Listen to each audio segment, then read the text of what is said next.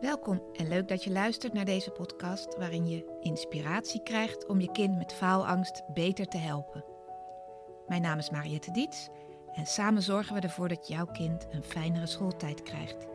Dit is de Pubers met Faalangst podcast. Hallo, in deze nieuwe aflevering van de Pubers met Faalangst podcast wil ik het met je hebben over sociale angst. En dat, daar kunnen niet alleen pubers last van hebben, maar ook volwassenen. Maar in de puberteit spelen dit soort dingen vaak wel op. En dan gaat het om eigenlijk de angst voor interactie met andere mensen. Dus angst dat je het verkeerde zegt. Angst om voor de groep te staan. Angst om in een winkel iets te vragen. Angst, ja, angst om op feestjes met mensen te praten. En natuurlijk heb je introverte en extraverte mensen en zijn het vooral de meer introverte mensen die daar wat meer terughoudend in zijn. En wanneer ga je dan spreken over een angststoornis? Nou, ik ben daar zelf niet zo van. Ik wil ook dat je gewoon. Want kinderen gaan vaak googlen en ik heb dit en ik heb dat. Maar ik heb liever, en dat zal je ook uit mijn andere podcasts wel herkennen, dat je het meer ziet als bepaald gedrag waar je kind nu last van heeft. En waar het ook mee kan oefenen, waar het ook weer uit kan komen door andere dingen te gaan doen.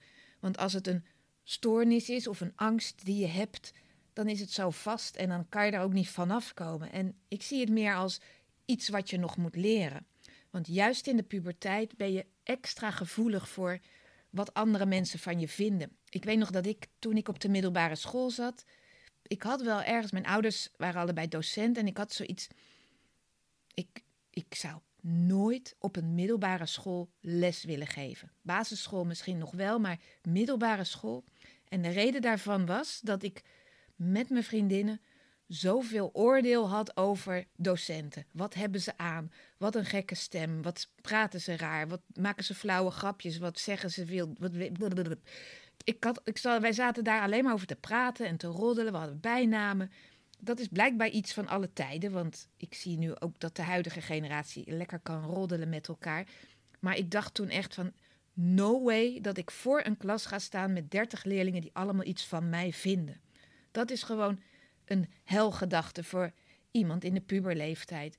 Want ga maar na, ze zijn zo bezig met, natuurlijk op de social media, hoe lig ik in de groep? Ben ik leuk genoeg? Ben ik mooi genoeg? Ben ik grappig genoeg? Heb ik genoeg vrienden? Heb ik genoeg volgers? Heb ik genoeg likes? Alles draait daarom.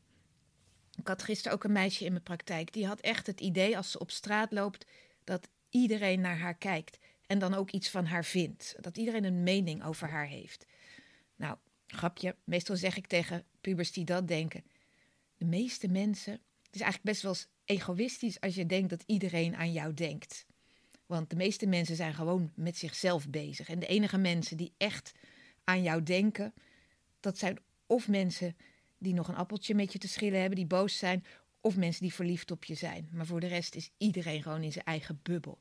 Maar goed, zo voelt het dus wel voor zo'n meisje wat op straat loopt. En ik heb ook wel eens een jongen begeleid die die kreeg het Spaans benauwd. Die ging letterlijk zweten als iemand aan hem op straat de weg vroeg. Weet u waar, weet jij waar puntje puntje is?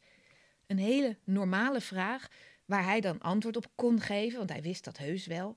Of misschien het antwoord, dat weet ik niet.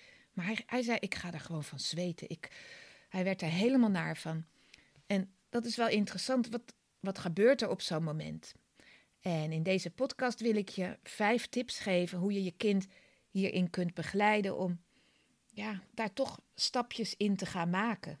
En dan hoef je niet meteen vol een, uh, een vol stadion toe te gaan spreken. Hè? Dat is dan weer de hele andere kant. Maar het zou wel fijn zijn als je wat meer lekkerder in je vel zit.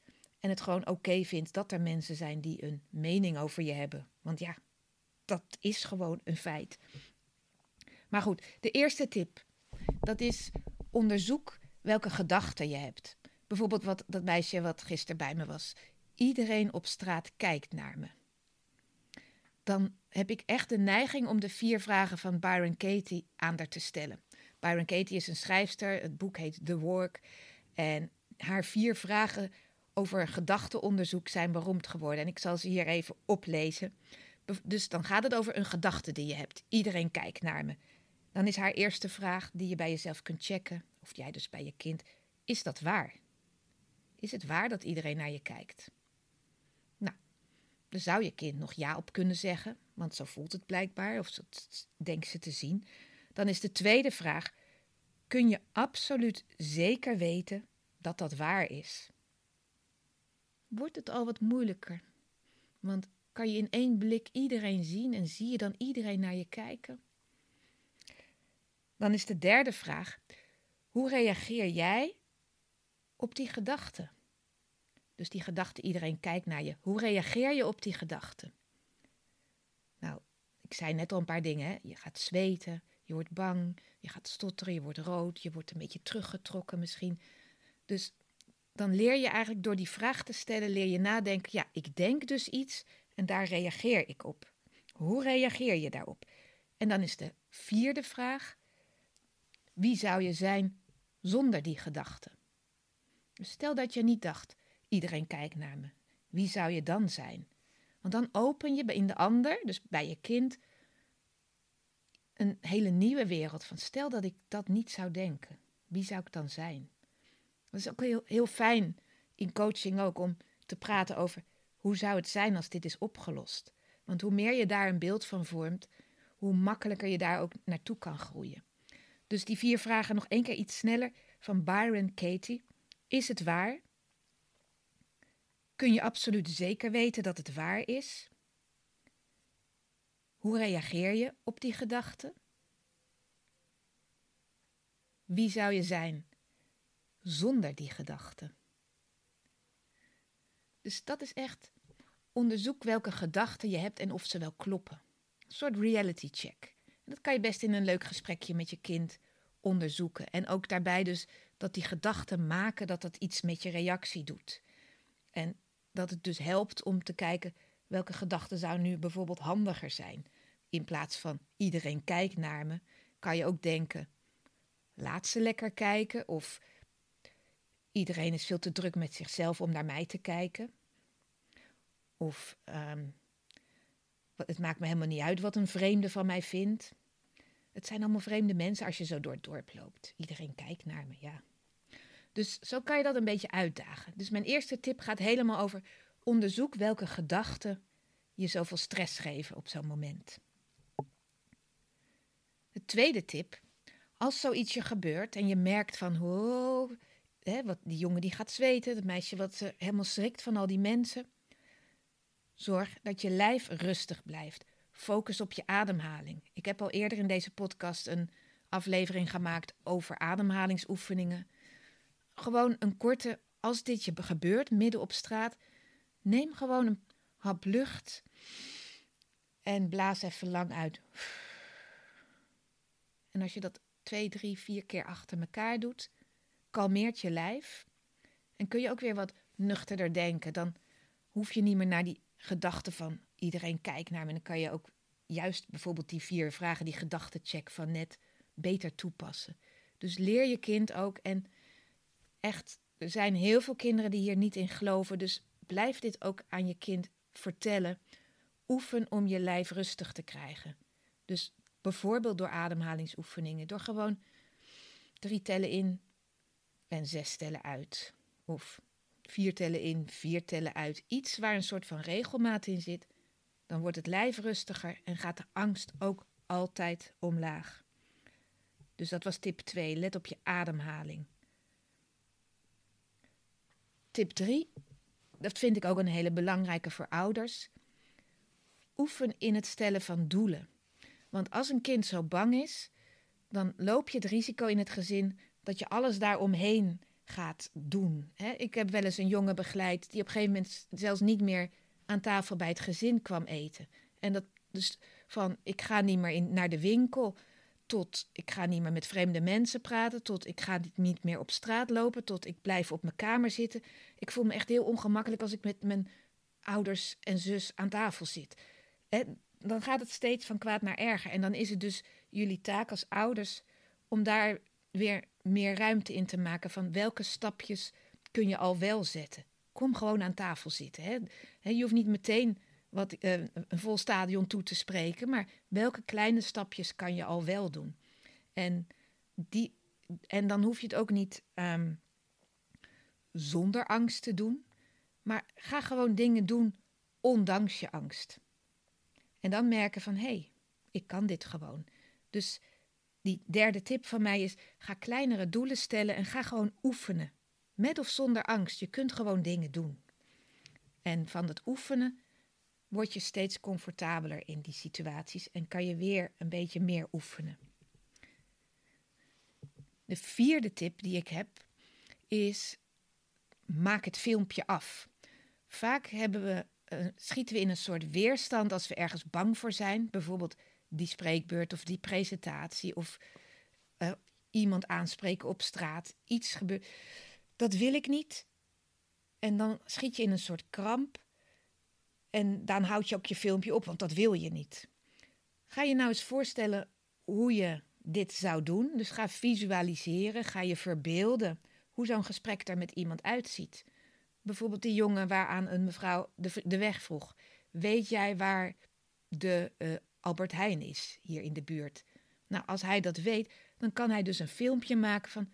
Ja, dan moet u uh, hier naar links, daar naar rechts, daar naar links. En kijk dan in dat filmpje naar hoe die mevrouw reageert, hoe ze dankjewel zegt en hoe ze wegfietst. En dat was het. Dus het klinkt een beetje simpel, maar maak het filmpje af van wat is er nou zo spannend en hoe ziet het filmpje eruit als je dat gewoon aangaat en ga dat gewoon verbeelden. Dit is wat sportcoaches ook doen. Ga je wedstrijd verbeelden. Ga je inbeelden hoe jij een nieuw record gaat zwemmen. Ga je inbeelden hoe je deze strafschoppen gaat winnen. Ga je inbeelden hoe iets lukt. En als je dat helemaal verbeeld hebt, jouw hersenen denken dan al dat ze het kunnen. Jouw hersenen weten niet of iets echt is of nep is. Dus als jij het verbeeldt, dan is dat een nieuw paadje in je hersenen. Wat dan ook, als het echt zover is, makkelijker te bewandelen is. Dus dat was de vierde tip. Maak het filmpje af. Het filmpje waar je zo tegenop ziet. Ga ze verbeelden hoe dat goed afloopt. En oefen daarmee. En dan de laatste tip die hier ook wel mee te maken heeft. Ga daar niet te veel aandacht aan geven als ouders. Ga daar niet te veel in mee. Dus mee googelen, mee naar artsen, mee naar weet ik veel wat. Dit is gewoon iets wat je kind moet leren. En dit, jij kunt je kind helpen om dit soort dingen te leren.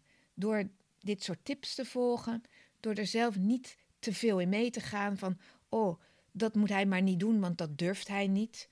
Laat soms gewoon ook eens dingen gebeuren. je kind, we willen ook geen curling-ouders zijn en alle problemen gladstrijken voor onze kinderen. Af en toe zullen ze spannende dingen meemaken. En dan kun je als ouders, ik herken het bij mezelf ook, meteen naar voren willen springen van, oh, dit vindt hij niet fijn, ik zal het even voor hem oplossen. Juist deze kinderen die wat angstig zijn, moeten leren om zelf hobbels op te lossen. En vaak zijn vaders daar wel wat beter in om dat soort dingen los te laten. En in ieder geval mijn man wel van laat ze het maar ervaren, uh, laat ze maar dit doen. En we wachten gewoon even af wat er dan gebeurt, want het is een leerervaring. Dus hou dat ook in je achterhoofd van ga niet te veel mee in dat beperken van die wereld, maar ja, praat er gewoon over dat je kind gewoon dingen kan doen en dat het helemaal niet erg is om bang te zijn als je dingen doet, want je kunt ze nog steeds doen. Net als dat lust ik niet. Ja, je kunt ook dingen eten die je niet lust. Dat durf ik niet. Maar je kunt het ook doen terwijl je bang bent. Dus ga er iets makkelijker mee om. Niet om je kind, uh, ja, om, om aan het gevoel voorbij te gaan, maar wel om je kind te leren van ja, soms zijn dingen spannend, maar juist door ze te doen, worden ze minder spannend. Nou, ik ben nu aan het eind gekomen. Ik ga nog heel even die vijf tips herhalen voor je. De eerste was onderzoek je gedachten.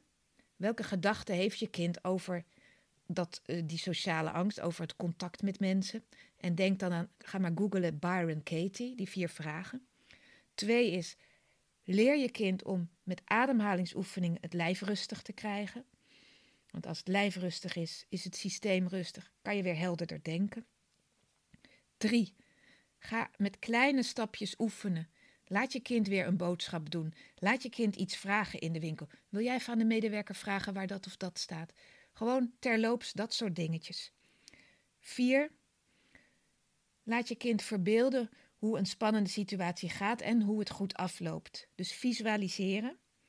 En 5. Geef het niet te veel aandacht. Ga er niet te veel in mee. Maar doe er relaxed mee. Heb jij hier vragen over? Of wil je sparren hoe dat met jouw kind gaat en hoe je dat het beste aan kan pakken? Mag je me altijd een berichtje sturen. Sowieso vind ik het leuk om te horen wat je van deze podcast vindt.